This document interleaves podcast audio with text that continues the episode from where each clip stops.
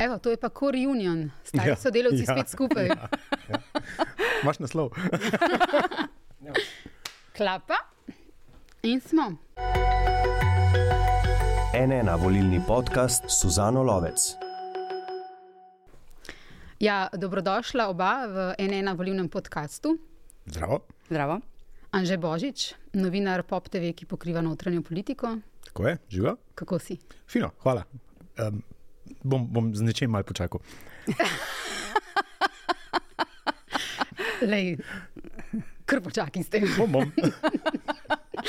in Katja Širuga, direktorica Enena, živijo. In dolgoletna novinarka, tudi in urednica, ki je pokrivala področje notranje politike. Tako da sta uh, tukaj danes dva človeka, ki sta zelo usposobljena, da govorita o Sloveniji po volitvah.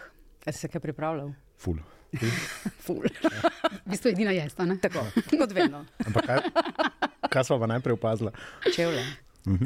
Dobri, Dobri čevlji so dano, Mhm. res. Nice. Hudi. Bomo zarezali to ven. Um, lep pozdrav tudi vsem poslušalcem in poslušalkam, gledalcem in gledalkam. To je četrti volivni podcast na NN, um, ki jih spremljate zdaj že nekaj tednov, in naslednji teden ekstra bonus epizoda. Pa današnji pojdimo. In um, bi vam za začetek vprašala, torej po tej volivni nedelji, ki je bila za vse nas, še posebej pa za politike, uh, težka, naporna in vse, kar prija zraven, je sledilo, sledi zdaj dnevi in dnevi volivnih analiz, takih in drugačnih. Ne vem, če smo že kadarkoli imeli tok po volivnih analiz o tem, kaj se je v nedeljo zgodilo. Tako da za prvo vprašanje, kaj pa se je v nedeljo zgodilo, Anže? A, a nismo imeli vsakič toliko analiz, meni se zdi. Meni se, zdelo, da, meni se zdi, da nikoli to. Nikoli toliko. Ja. Okay, v redu. Ti imaš daljšo lajtungo od mene, pri tem, tako da te bom ubogal. Um, mislim, zgodil se je predvsem eh, zgodovinski rezultat. Takega števila poslancev eh, še nismo videli, takega glasovanja še nismo videli, toliko mal strank v parlamentu še nismo videli, um, toliko enih glasov zunaj parlamenta tudi še nismo videli. Ne? Pravzaprav veliko stvari, o katerih se lahko pogovarjamo. Katja, kaj se je zgodilo v nedeljo? Zelo odločen rezultat, uh, po mojem mnenju, v veliki meri tudi uh, taktično glasovanje proti Janezu Janši. Uh, in teh glasov je bilo očitno več, kot bi jih uh, kdorkoli pričakoval. Po mojih informacijah jih tudi uh, v SDS-u seveda niso, to jih je najbolj presenetilo, ne, razlika, s katero jih je premagal Robert Golob.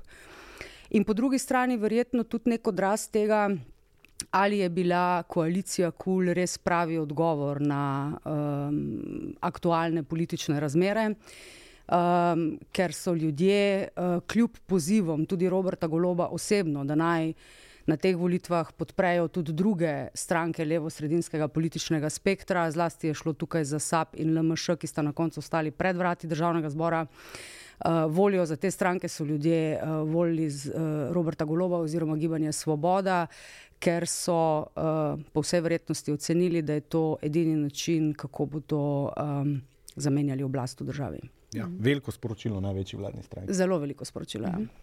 Um, naš Klemen Košak in Jrnej uh, Tiran iz inštituta Antona Melika sta naredila eno super analizo, v kateri um, med drugim um, pač pravita, uh, stranke, ki niso prestopile parlamentarnega praga, so skupaj zbrale 282 tisoč glasov ali skoraj 24 odstotkov. Na prejšnjih dveh volitvah so stranke, ki se niso uvrstile v parlament, prejele samo okoli 110 tisoč glasov ali približno 12 odstotkov. V kombinaciji uh, s tem, kar uh, ugotavlja Valikon v raziskavi Politikon, torej da skoraj polovica udeležencev volitev je volila taktično, je to neko bistvo tega, kar se je zgodilo. Ne? Ja, torej pred štirimi leti niso. Ne? Pred štirimi leti so voljivci vseeno bolj razpršili glasove, zato je bilo v državnem zboru tudi več strank. Ampak lahko morda ta rezultat razumemo tudi na način, da s tem, kar so naredili pred štirimi leti, niso bili najbolj zadovoljni in so se zdaj odločili, da bodo šli s tistim, za katerega so. Uh, slutili, čutili, bili prepričani, da je dovolj močen, da res odločno premaga, uh, premaga Janeza Janša. In po moje so predvsem zato, tudi na podlagi neke izkušnje izpred štirih let, glasovali taktično in pa seveda glasovali, um, glasovali proti politiki uh, zadnjih dveh let. Ravno to se mi zdi ključno. Pred štirimi leti Janez Janša ni nastopil kot, na volitvah kot predsednik vlade. Mi smo drugo vlado, mi smo Cerarjevo vlado. Uh -huh. Mogoče ni bilo niti vzdušje tako naelektreno, ni bilo tako ostro vse. Ne? Um, in enostavno pač so voljivci povedali, kar so povedali. Se ti pa zdi, da je bila ta kampanja in to vzdušje teh volitev tudi dnevi pred volitvami ali pa celo ta volivni vikend, da je bilo najbolj naelektreno od kadarkoli mi, recimo, tri stvari. Ja, ja mislim, absolutno, absolutno, se strinjam, popolnoma. Uh -huh. Um, Luka Lisjak Gabrielčič uh, piše v analizi uh, svoji za enena, uh, tudi pač analizira po volivne rezultate, volivne rezultate uh, in med drugim zaključi, zdaj o, o, sredini, um, o levi sredini pravi, da je doslej eksperimentirala z novimi prijemi in napredovala na podlagi poskusov in napak. Uh, o desnici pravi, da pač, oziroma o SDS-u, da je uh, postala pred leti to alternativna desnica in liberalizem, desničarski populizem.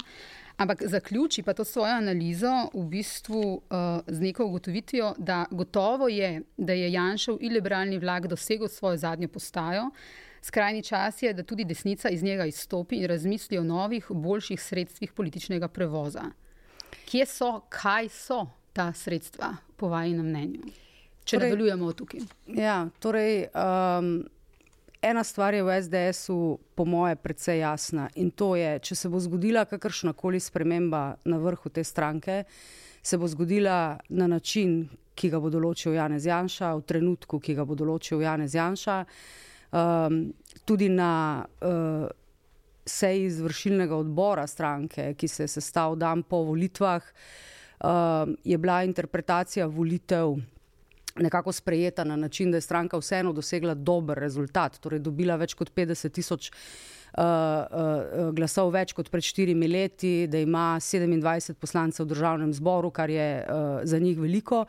Ampak istočasno pa se verjetno kaže, uh, in morda tudi v to smer Luka razmišlja, da uh, tudi ob tako visoki volivni udeležbi, ki je zelo pomemben faktor, ki ga v tej analizi seveda ne smemo zanemariti, uh, ne dobrih 70 odstotkov volivnih upravičencev je šlo tokrat na volitve, da tudi ob tako visoki volivni udeležbi na volitvah obstaja nek um, steklen strop. Ne, Preko katerega, preko katerega um, SDS takšna, kot je, verjetno ne more. Ne. Uh, torej, v tej stranki se pa uh, vsej.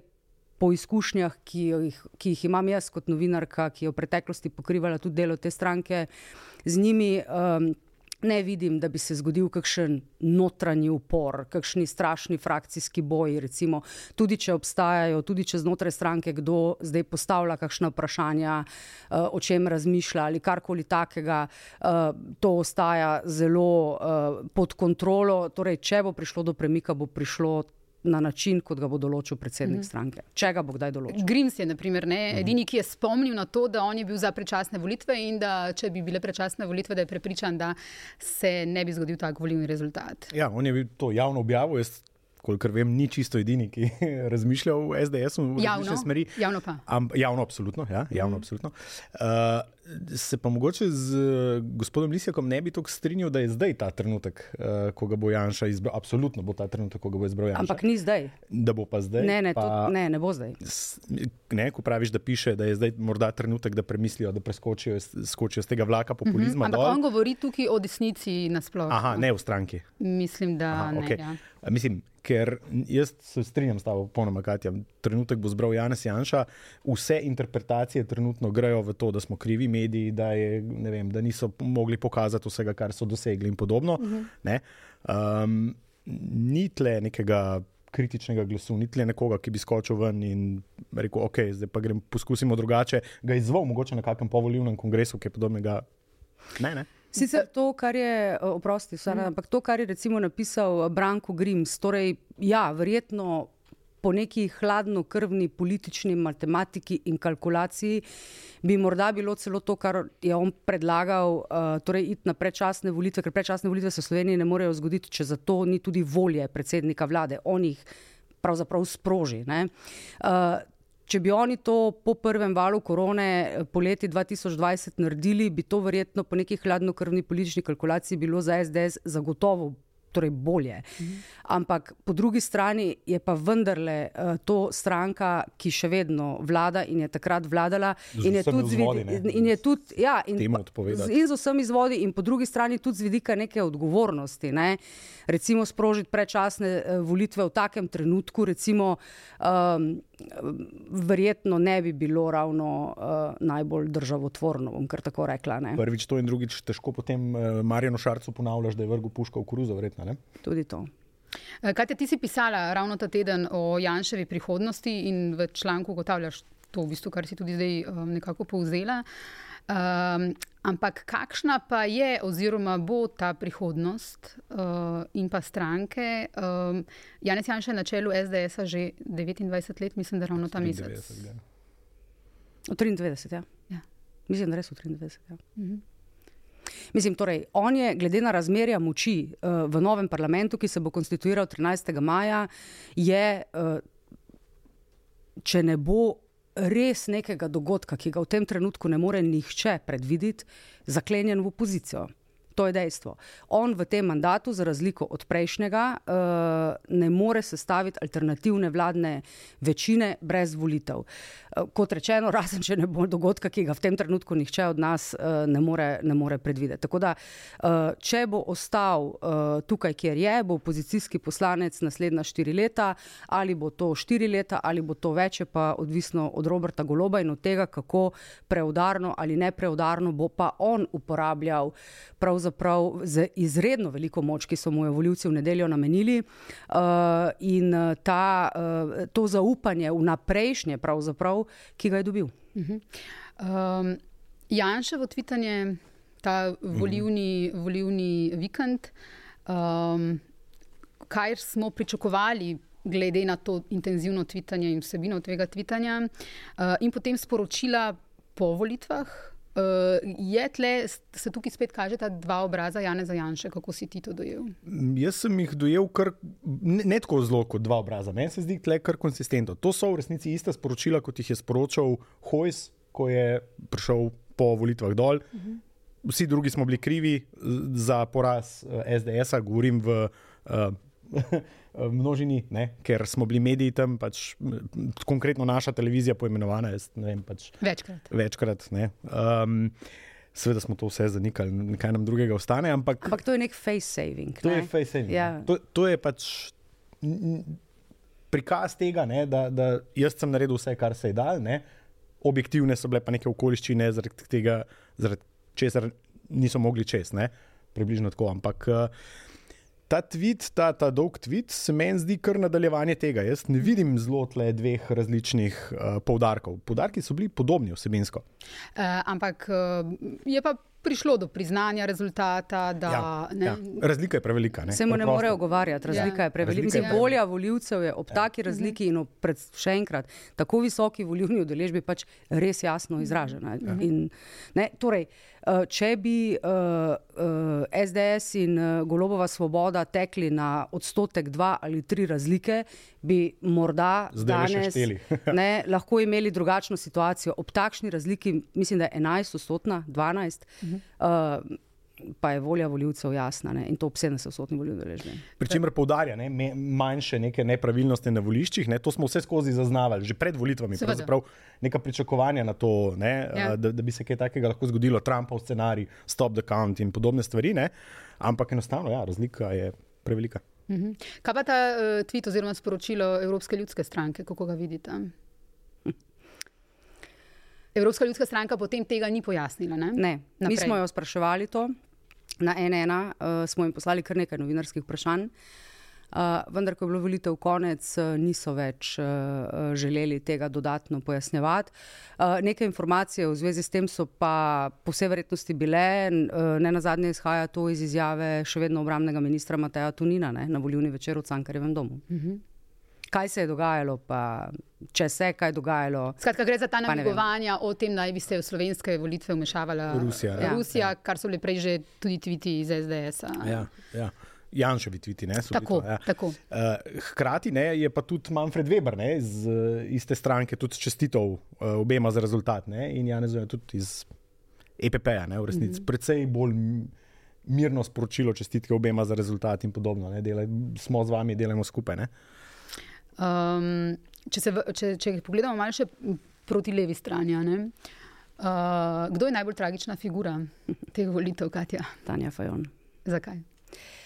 Tanja Fajon, zaradi tega, ker se je vrnila iz mesta poslanke v Evropskem parlamentu v Slovenijo uh, z nekimi pričakovanji, da bo bodoča predsednica vlade ali da ima vsaj zelo resne možnosti za to. Torej, Kul je bil tisti, ki se je oblikoval najprej kot alternativa uh, vladi Jane Zajanše.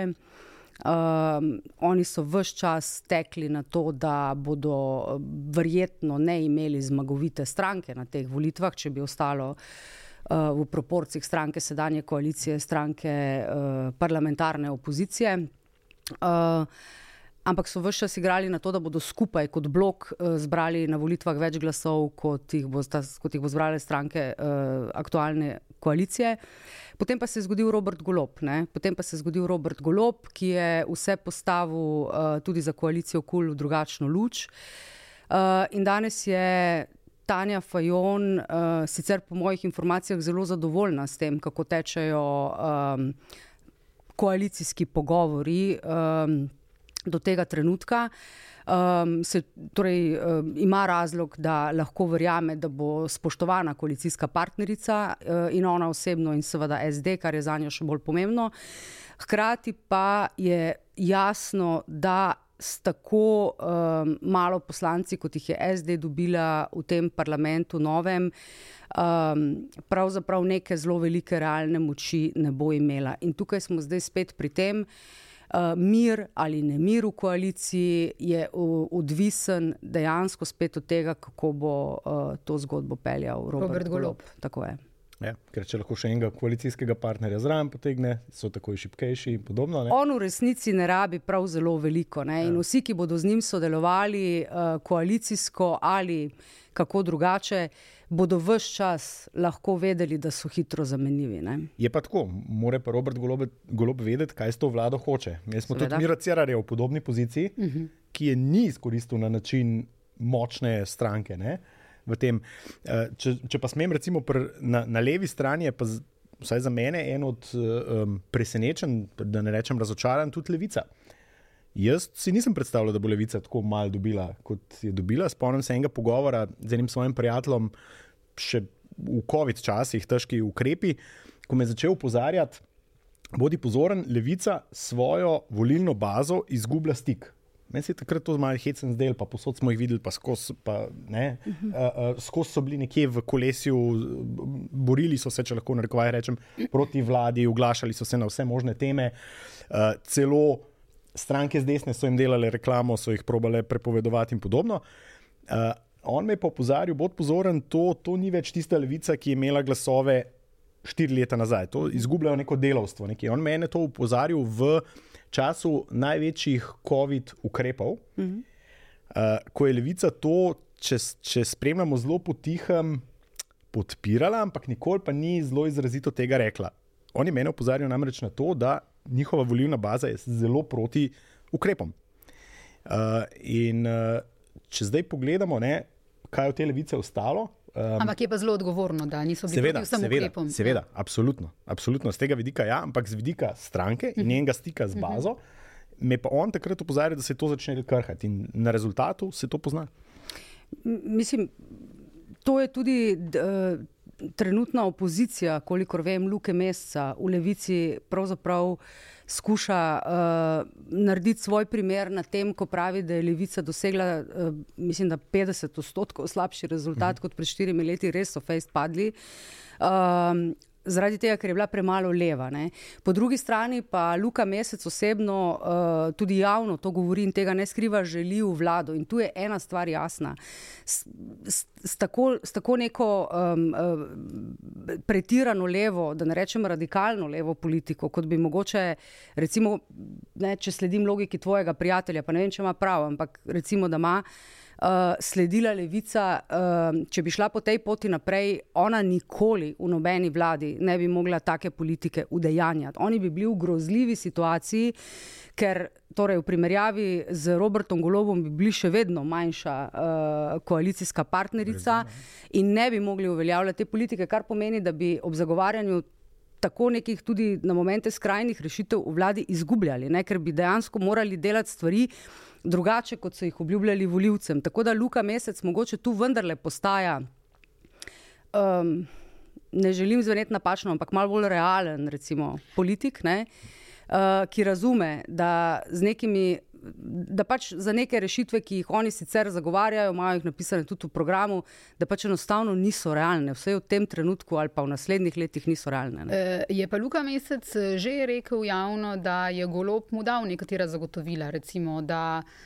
Uh, mislim, da je nekako tako, da, da uh, recimo zdravstvena politika bo zdravstvena politika, ki jo bodo dogovorili, da je to zdravstvena politika Gibanja Svobode, ne pa nujno to, kar Bešič Lordan govori, recimo, ko je bil Luka Mesec vprašan o tem. Mm.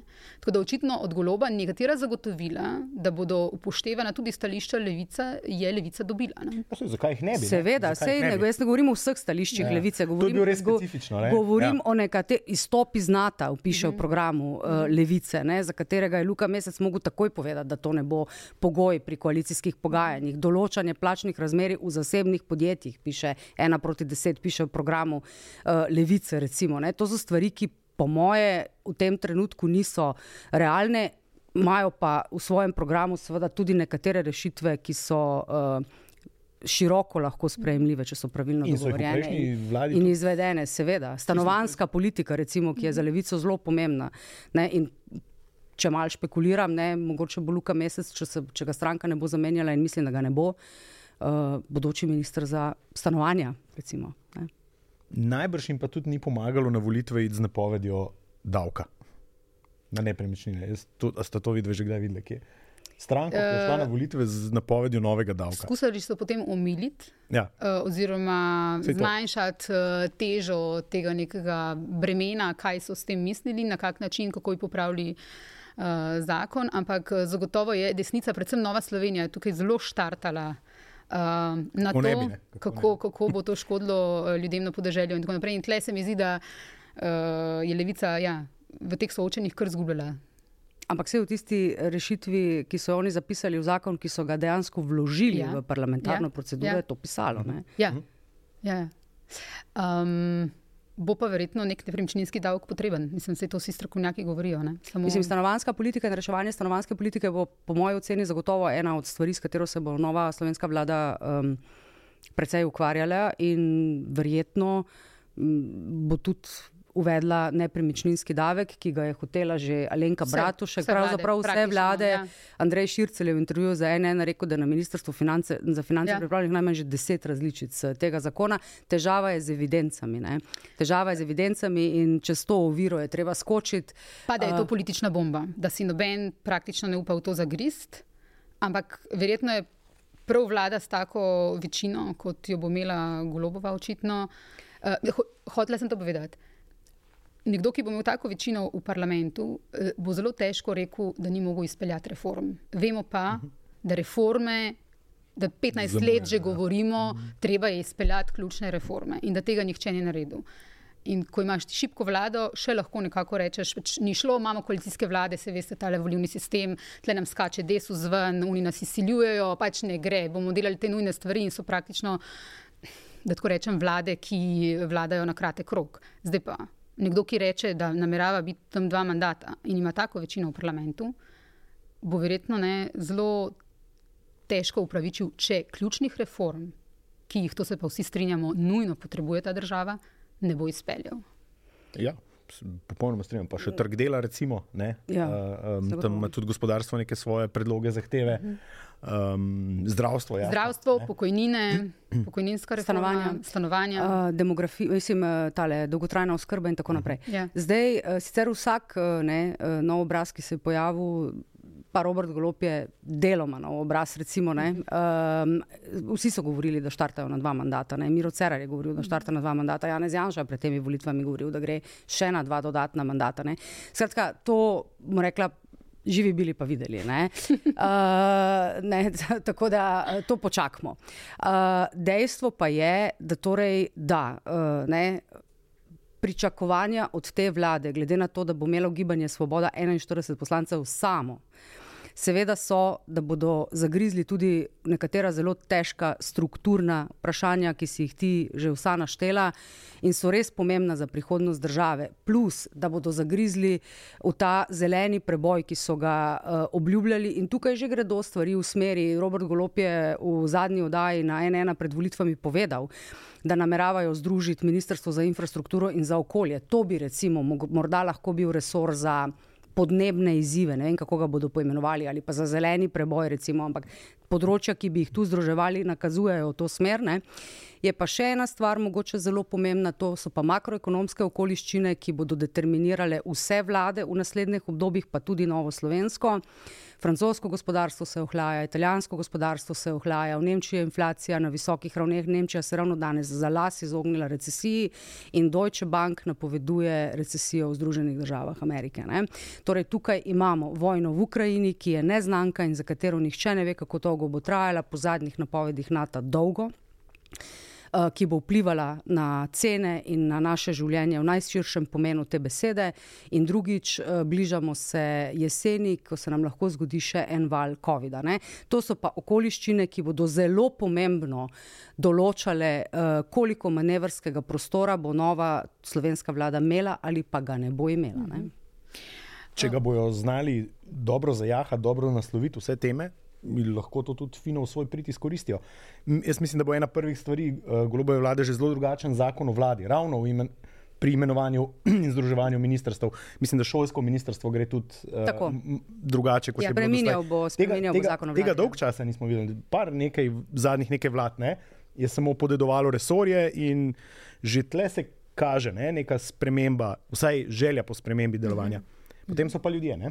Tako to zasede. Uh -huh. uh, spomnila sem se še na en tweet Barbara Reigel. Um, Ko govorimo o tem, kar se je zgodilo na, na levem delu prostora, ne vemo, pač nekatere stranke so proti vsem pričakovanjem ostale vse, brez uvrstitve. Ne? In uh, Barbara Reigel je med drugim na tem tvitu napisala, da so stranke na levici delovale povezovalno tudi na račun svojih slabših rezultatov. In to se je dejansko videlo. Ne?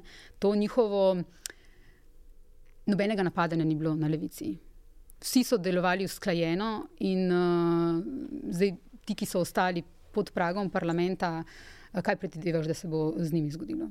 Sam, če bi se pa napadali, bi imeli kaj boljši rezultat med sabo. Nisem, Verjetno ne bi se pa pokazale neke razlike. Ne? Ja. Se volivec mogoče... to, so, to, to so tako majhne razlike, bolj razlike ego, se meni zdi, uh mhm. -huh. kot neke hude vsebinske razlike. Vem, mogoče je zdaj recimo, lepa priložnost za to, kar se tudi že leta omenja, pa se nikoli ne zgodi združevanje teh nekih malih liberalnih strank. Moče pa to moment. Um, Nova LDS. Ni nujno, da je nova LDS, ne se imenuje kako koli. No, no, že že. Ja, Ampak kot delovno ime. Ja. Delovno ja, ime. Ja, ja. Tako, tako. Ja.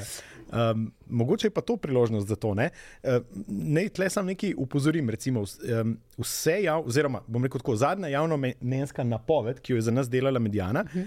je predvidela možnost tudi, da ostane ta uh, eh, LMŠ na, na skrajnem robu, mislim, da njihova minimalni doseg so namerili na 4, uh, SAP pa celo 1,9 ali nekaj takega. Mm -hmm. Ni bilo ne mogoče, da te stranke ostanejo zunaj. Voljivci, veliko voljivcev, mislim, da se tam približno uh, uh, četrtina ali petina celo voljivcev odloča zadnje dni oziroma na dan volitev. Ja. In enostavno je šla. Zmagovalce. Taktično glasovanje. Taktično to pa je tudi ena od uh, ugotovitev tega, uh, teh uh, volitev, da mislim, da polovica ne, ugotavlja valikom glasovanja je bilo taktičnega. Ne. Ampak še ena stvar, mogoče, če smo se prej dotaknili Branka Grimsa in ali bi bilo to, kar je on predlagal, uh, sicer koristno za SDS, ampak po drugi strani ali bi bilo odgovorno, ne, glede na pozicijo vladajoče stranke. Tako podobna je situacija lahko tudi v koaliciji KUL. Ne. Jaz sem prepričana, da so nekatere od strank v koaliciji KUL ugibala bi, da predvsem socialni demokrati kot največja stranka znotraj te koalicije na neki točki razmišljali, morda celo ugotavljali, da jim ta zaklenjenost v kul lahko škodi, ne pa koristi, ampak niso šli tega razdirati. Od- sej o Ker tudi to, moje, ker tudi eh, to ne, govorimo, ne bi ja. bilo odgovorno, je pa dejstvo, da so pa socialni demokrati uh, torej stara in etablirana stranka, tradicionalna, kot se lepo reče, in da bo tudi pri deljenju resorjev in drugih mest v vladi. Uh, vrh socialne demokracije, za razliko od koga drugega, zagotovo moral upoštevati več kriterijev. Prvi, da torej naredijo najboljše ekipe, ki jih lahko naredijo za prevzem uh, resorjev, ki jih bodo v golobovi vladi dobile, in drugič, da bodo z razdeljevanjem nekih položajev v vladi tudi uh, potolažili nekatere morda bolj koristoljubne člane njihovih strank, Koristoljubne, lepo ki si zdaj, ki si zdaj po sicer slabšem rezultatu socialne demokracije, uh, morda vseeno kaj obetajo in nekako mogoče celo brez besed, ki bi jih kdo izrekel, se razume, da je to nekaj, kar bo tudi vrhu SD-ja zagotavljalo nadaljni mir in da ne bo velikih mm. frakcijskih bojev v stranki. To je situacija, v kateri je SD in ne pozabimo, jeseni imamo lokalne volitve. Mm -hmm. Tam se bodo stranke še enkrat izmerile. Vprašanje, kako, katere od teh, ki grejo zdaj v vlado. In še predsedniške, kjer Tako. bomo tudi videli, katera zavezništva se bodo obdržala, katera bojo absolutno razpadla, katera bojo mogoče na novo ratala. Uh -huh. Rece pa strinjam, ja. eh, položaj v vladi je lep obliž na poraz na volitvah. Absolutno. Um, eden od poznavalcev političnega prostora, novinarjev, mi je glede eh, SD in golobove stranke rekel, da. Um, Čeprav je jasno, da grejo v vlado ne, in kakšna bo ta vlada, približno pač je jasno, da vlada med tema eh, dvema strankama precejšnje nezaupanje na obeh straneh. Kako to vidite? Mm, Glede na pretekle vlade, kjer je SD vedno napovedovala velik rezultat, pa je bila potem um, dosti krat razočarana. Spomnim se, pri tem je imel Matjaš Han ene parkrat par sočnih izjav. Uh, ja, so, so bili potem, so se vedno izkazali za težek, težkega koalicijskega partnerja. Um, tudi zdaj je zaznati uh, absolutno um, previdnost na obeh straneh, ampak hkrati si pa skoraj obsojen drug na drugega. V razmerju, ko je, uh, se pravi, golob absolutno močnejši od Ja, ja. etablirane stranke. Tako. Ne? Torej, ja, eh, nekaj tega je v času predvoljivne kampanje zagotovo bilo. To smo eh, tudi mi na NN večkrat prestregli. Uh, da, ne, deloma pa bi lahko to pripisali tudi temu, da pač seveda pojav, to dejstvo, da se je pojavil Robert Golop, socialne demokrate postavlja pred temi volitvami seveda v popolnoma drugačen položaj, v katerem bi bili sicer, če se Robert Golop ne bi eh, pojavil, to, o čemer sem govorila prej. Ampak kot sem rekla, ne, po informacijah, ki jih imamo na NN v tem trenutku in uh, kmalo bodo tudi objavljene na našem portalu, Meta Roglič piše članek, uh, tudi z imeni nekaterih eh, zelo verjetnih eh, ministrov in uh, v zvezi s tem, kako se bodo delili resorji v novi koaliciji, je dejstvo, socialni demokrati so po prvih pogovorih z bodočim mandatarjem lahko zelo zadovoljni. eh, Glede tega, kar bodo dobili. Torej, tudi če so v času predvoljivne kampanje in so, to je nesporno, med tema dvema strankama obstajali je obstajala neka previdnost, neka zadržanost, mogoče celo rahlo nezaupanje, se je po volitvah, po teh prvih sestankih o tem, kako naj izgleda bodoča koalicija in vlada, v tem trenutku to, ta, je ta krč popustil. Uh -huh. So se sprostili. Tako je. Moramo pa še nekaj vedeti. Um, ne vemo pa, kaj je Robert Golob pripeljal v parlament. 41 poslancev, ki mora zagotavljati vsej tej ekipi večino, Zelo pomembno. trdno vprašanje. večino, ne, v redu. Mislim, da, da sem ga včeraj slišal reči, da jih ene pet Ja. je srečal dejansko je to rekel. Ja. Eh, um, Ja. pre, v volilni kampanji, da nekaj jih pozna odprej, ok, v redu. Ampak ne, mora biti se pravi zelo trden vodja poslanske skupine, ki to Mhm. večino drži skupaj. Interesi bojo tle trkali, zagotovo. In zdaj ne, um, r, lahko razumem ne, nekaj nezaupanja, ki ga ima ena etablirana stranka, ki pozna, ki ve, kako to deluje. Um, ki ve, kdo vse pride trkati na, vla, na vrata, do 41 novincev. Uh -huh. Mislim, to je sigurno. Uh, v parlamentu bodo vsi razen poslancev uh, Gibanja Svoboda zelo izkušeni. Uh, SDS-u se v parlament vračajo res prekaljeni politični mački, tudi tisti, ki iz vlade prihajajo nazaj. To so zverzirane stranke. SDS je bila zmeraj odlično organizirana pri parlamentarnem delu, razen ko se je Daniel Krivec enkrat ali dvakrat zmotil pri štetju in ga je tistih, tistih 46 mal nagajalo. Ne? Ampak uh, uh, torej, zagotovo je to, kdo bo vodja poslanske skupine in kolikor vem. Ampak bom spet rekla, ne, preberite članek Meteoroglič. Uh, uh, so našli neko vmesno rešitev tudi za to vprašanje, ker se zavedajo, da je to pomembno. In B, uh, nepomembno tudi ni, kdo bo predsednik oziroma po vsej vrednosti predsednica državnega zbora. Ne. Uh -huh. uh, prej smo se pogovarjali, že tudi tebi se zdi izjemno zanimivo. Um, na kak način se po volitvah uh, govori v javnosti o levici. Ne, da bolj kot golob razlaga, da levica je v vladi, bolj se nekateri trudijo, predvsem iz gospodarskih logov. Uh, kaj pa, ja. če bi vseeno Nova Slovenija? Ja. Kako, kako si to razlagaš? Meni se to zdi zelo nenavadno, bom mil izrazen lošč uporabo. Uh, ne pozabi, da Nova Slovenija je imela ne, eno vabilo v prejšnje vlade, uh, v levo vlado, pa ga je zavrnila. Uh mhm. -huh. Tako da mogoče to klicanje k nekim širokim vladam, kaj pa vem, ne, ne delajo vlado tisti, ki so bili izvoljeni za, za delati vlado. Jaz ne vidim tle neke. Um, niti niti skratka všeč, da bi gospodarstveniki uh, po volitvah uh, želeli še naprej želeli. Razumem interes gospodarstvenikov, ja, zakaj tam ne bi želeli moče levice ali pa ne.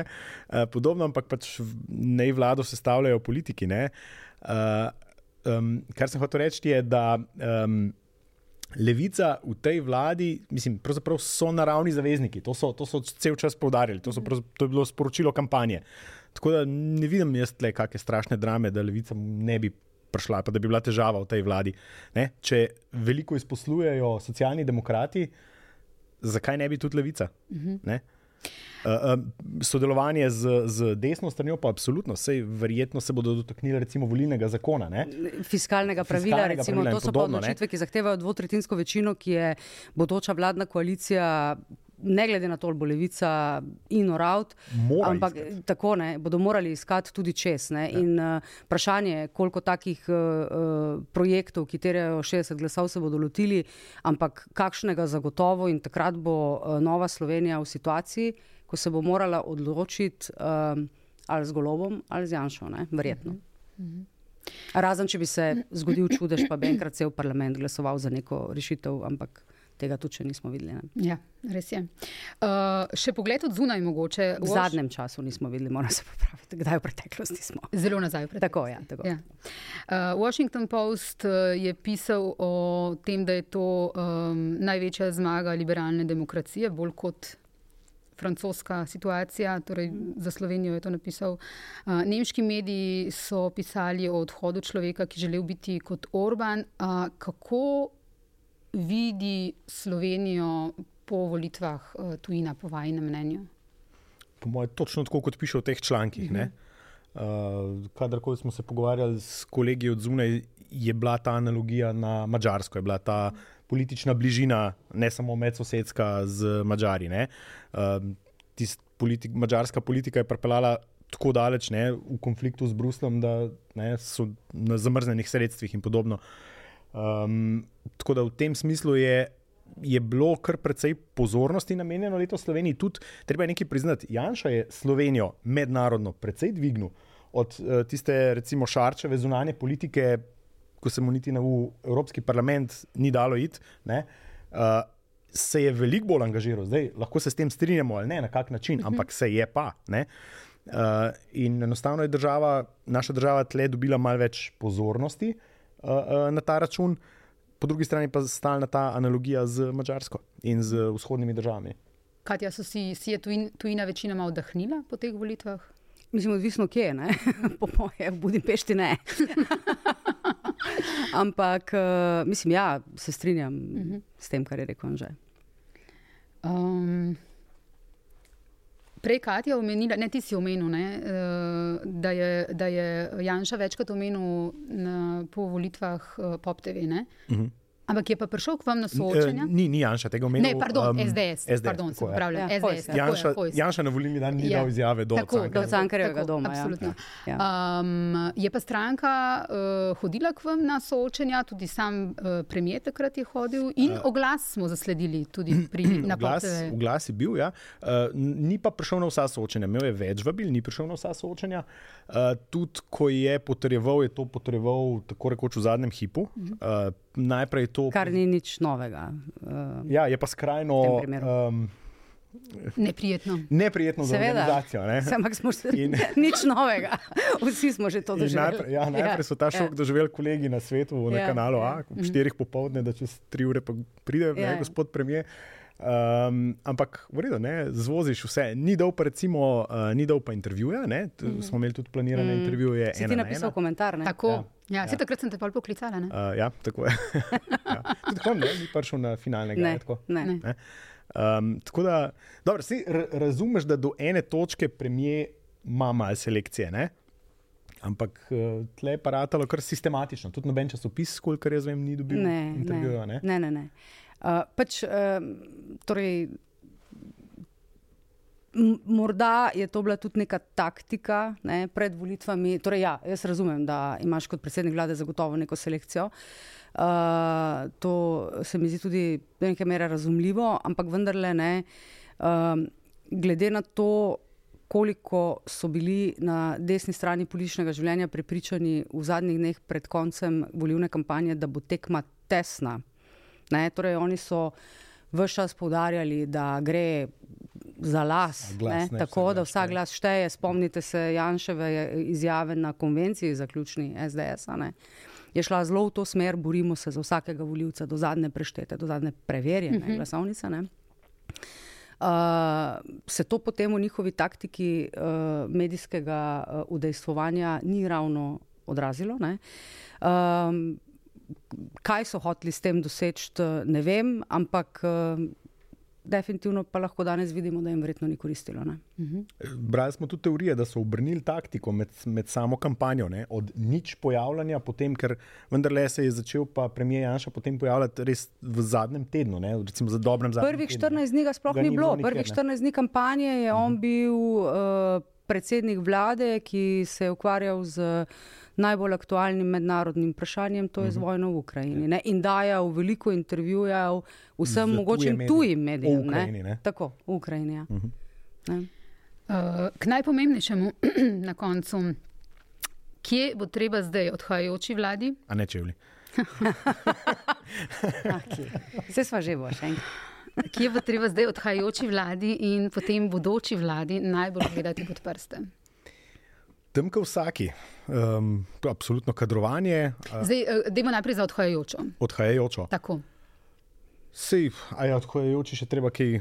Dobro, po, zadnje pogodbe, zadnje zaposlitve. To, ja. Um, to. rutina, ja. ne? Okej. Pravzaprav, uh, kakšne zakone si morda še mislijo sprejeti celo v zadnjem hipu. Novi pa, bolj, bolj bi pa rekel, bo pa novi treba gledati, tudi eh, hitro pod prste. Uh -huh. uh, tudi, seveda, kadrovanje, sodelovanje. Uh, mene zelo zanima, kako bo to sodelovanje s civilno družbo izgledalo. Res me zanima. Uh -huh. um, a bojo zakoni prihajali od zunaj, pa šli v parlament, ali bo parlament potem obdelal, predelal, zamandmiral in podobno. Me to res me zanima, kako bo to. Ma jaz se spomnim, da je Robert Golob enkrat zelo na začetku, pa mislim, da niti še ni bilo formalne volilne kampanje, te uradne, še prej. Rekel nekaj v smislu, ker vem, da sem jaz potem poizvedovala, kaj točno to pomeni, ampak v smislu, da bo imel nenehno odprto komunikacijo v bistvu z ljudmi. In pol vem, da sem jaz spraševala, "Ma kaj to pomeni, da bomo imeli permanenten referendum v državi ali kaj konkretno to pomeni. Tako da mogoče je to nekaj v tej smeri, ne, to neko sodelovanje s civilno družbo, eh, kako bo pa to zoperacio- zoperacionalizirano, pa tudi jaz eh, si v tem trenutku, mislim, ne vem, enostavno ne vem. Uh, Ministrstvo za sodelovanje s civilno družbo. ne, ne vem, hitam se. Vem. Uh, je pa nikako vačno povedala, ne? tako kot tudi vsi mediji, ne? da uh, Bo- tako kot je bo- gledala ja, ja, ja. pod prste prejšnjim, bo gledala pod prste tudi novim. ne. Uh, enako mediji in tako je edino tudi prav. Um, torej, ja, odhajajoči vladi pogodbe uh, in zaposlitve, uh, bodoči pa Uh, torej, uh, prve poteze, uh, preudarnost, isto kadrovanja. Ne? Tukaj so bile neke informacije, da bodo letele glave, ko golob prevzame, kar je golob sicer zanikal v našem studiu. Um, Tako da bomo videli, kako daleč bodo z nekimi stvarmi uh, šli. Tarči, Omrežja, ozadja. No, k temu še pridem. Ja. Včeraj na Tarči je sicer, mislim, da spet rekel, da uh, bo prekinil s to tradicijo uh, kadrovanja po strankarskih izkaznicah. In sestankovanje generalnih sekretarjev. Ja. Tako.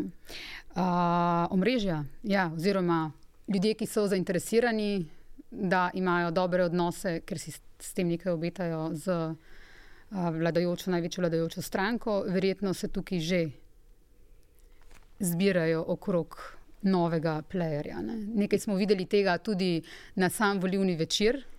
Uh, kot je rekel Robert Golop, imeli smo pač odprta vrata, ni bilo varnostnika, ampak ali bi kogarkoli od teh ljudi res poslali proč, če bi bil varnostnik, ki so se nabrali že prvi večer. Torej, videli smo družino Jankovič. Ja. Um, kaj pričakujete tukaj, v bistvu? kako bodo ljudje, ki bodo zainteresirani, da bodo imeli uh, dobre odnose, um, pa pri tem tudi neke svoje računice. Uh, res odstranjeni, ko bodo varnostniki na vratih vlade. Jaz mislim, da v resnici tle družina Jankovič ni tako zelo blizu, uh, kot, se, kot se rado poudarja, ker je tudi komu v interesu, ne, da se poudarja, kako blizu družina Jankovič je. Um, Me pa zanima, recimo, od teh um, modusov operandi en način, ki pa ga je, recimo, Jankovič v svojem županovanju Ljubljane imel.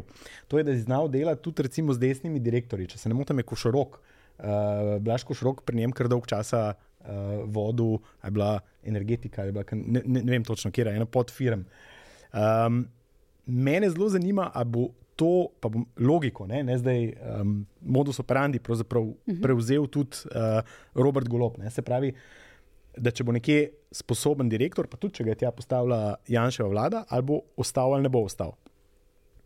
To, Mislim, torej, Robert Golob prihaja iz uh, biznisa. Uh, to verjetno pomeni, da je um, do neke mere tudi praktičen. Ne? Tako kot uh, Uh, verjetno morajo do neke mere biti vsi ljudje, ki, so, ki zasedajo tako pomembne, tako pomembne funkcije, ampak seveda v okviru tega da ne prelomi uh, besede, ki jo je dal svojim voljivcem, ker ta, ne, na koncu bo to odločalo o tem, ali bo on tekel na en mandat, na ja. dva ali na koliko. Uh, torej, to je ključni kapital, ki ga ima. V tem trenutku uh, on v resnici ni še nič zmagal, on je dobil neko zaupanje vnaprej.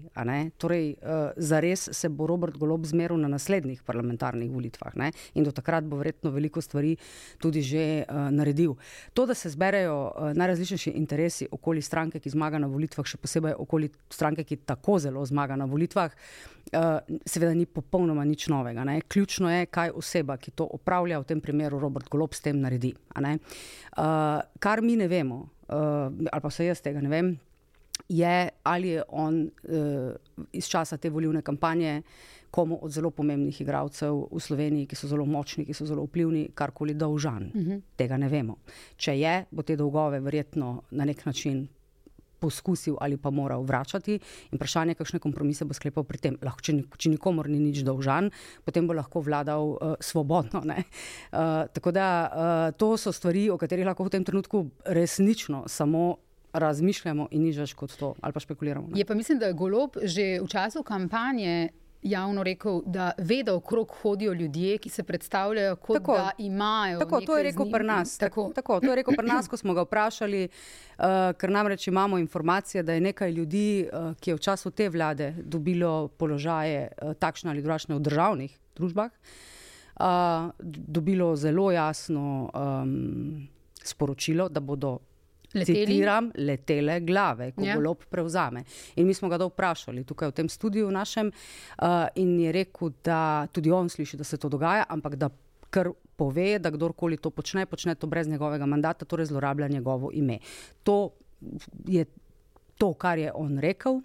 Uh, kaj se bo pa dogajalo, ali tako kot je napovedal sam, ali tako kot pač je mogoče obstaja kakšno drugo ozadje, za katerega ne vemo, se bo pa pokazalo, bo relativno kmalo. In to bomo budno spremljali, mediji, ne, novinari. Je, je pa š- samo še eno stvar, Ja. mogoče tle treba tudi vedeti. To je politična novinka, ki ne more imeti takega kadrovskega zaledja, kot ga imajo recimo socialni demokrati, Zagotovo. kot ga ima recimo SDS, ne, kot ga ima mogoče celo Nova Slovenija. Ne, In, in tudi zato bo more imeti verjetno posrkal nekatere dele uh, Od strank, ki so od, ostale od zun- strank ali pa iz civilne družbe, ne, kar še bolj omenja. Pa še ena stvar je mogoče pomembna, ki je ne vemo ne, v tem trenutku, ali pa vsaj ne dovolj dobro. Um, mi ne vemo, kako bo on pravzaprav organiziral delo vlade. Ne. Torej, po nekih informacijah, dostopnih trenutno, kaže, da na način, da ko bo neka stranka prevzela nek ministerski resor, bo prevzela tudi polno odgovornost za njega. Uh -huh. Se pravi, če bo tam karkoli narobe, uh -huh. zaradi načina, kako bodo postavljali ekipe in kako bodo ekipirali uh,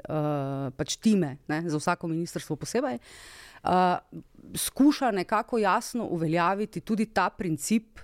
Uh, Dobiš zaupanje, ampak hkrati nosiš tudi vso odgovornost za to, ne, kaj predlagaš uh, predsedniku vlade na seji vlade, kaj vlada sprejme in za vse, kar v bistvu tam počneš. To se mi zdi, to je napovedal za zdravstvo, to se mi zdi, da napoveduje tudi za funkcioniranje bodoče vlade. Torej, moralo bo biti, tako se ga razume, do tega trenutka jasno, da seveda dobiš njegovo zaupanje, da lahko prevzameš neko pomembnejšo funkcijo, ampak za njo nosiš tudi polno odgovornost sam. Ne? Gospodarska logika. Ne? Ja. Uh, ena od stvari, verjetno, ki jo bomo mediji po tej izkušnji zadnjih dveh let uh, zelo pozorno spremljali, pa tudi odnos do medijev. je tako? Mhm, absolutno.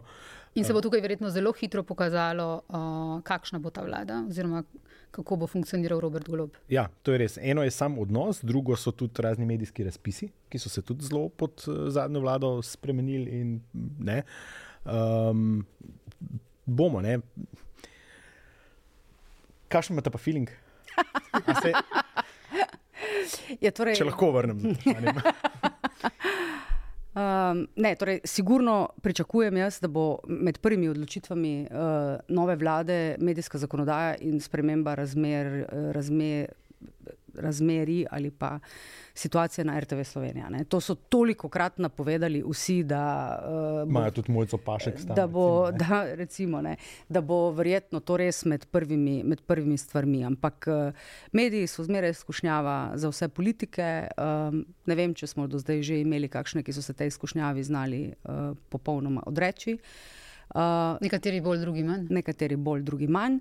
Um, ampak uh, torej, veliko lažje se pa definitivno dela, če imaš zagotovljeno novinarsko neodvisnost. Mi jo imamo. Tako da, uh, tako, Super. tako da ne, to je edini način, kako lahko upravljaš svoje delo, tako kot ga moraš No, upravljati. se jaz bi pa vrnila odgovor na tvoje vprašanje eh, z drugega kota. Mislim, da bo pomembno tudi, na kak način bodo uh, novinari sprejeli to novo vlado, da bodo na enak način, to ne pravim, da je treba. mm, Govorim samo, da morajo imeti enake vatle. Da, uh, če bo nekaj za kritizirati, da bodo kritizirali tudi to vlado. Um, če se bo Zakaj ta ne vlada umešava, Ja. umešavala, da to bodo povedati. to jasno povedali tudi tokrat. Tako da v bistvu govorim samo o enakih vatlih, uh, ne pa o tem um, whataboutizmu. a ne. Skratka, Seveda, se ostalo, se kaj drugega je Tako. aktivizem, a ne? Tako. Uh, upravljanje novinarskega poklica pa je to, kar si pravkar rekla. Ne? Tako, da bodo, da bodo mediji ostali uh, na preži. Uh, lepo bi se vam zahvalila za gostovanje v volivnem podkastu Najnena. Včasih. Zago veselje. zagotovo, uh, Anže, boš še kdaj povabljen. Katja, tudi tebe bom povabila še kdaj. uh, a, a. Dovolj. Uh, podcast, podcast najdete uh, na naši spletni strani enenainfo.si in pri vseh večjih ponudnikih podcastov. Mir. Poslušalcem, poslušalkam, gledalcem in gledalkam se pa lahko uh, vsi tri zahvalimo. Hvala Ja. lepa. Ja, hvala.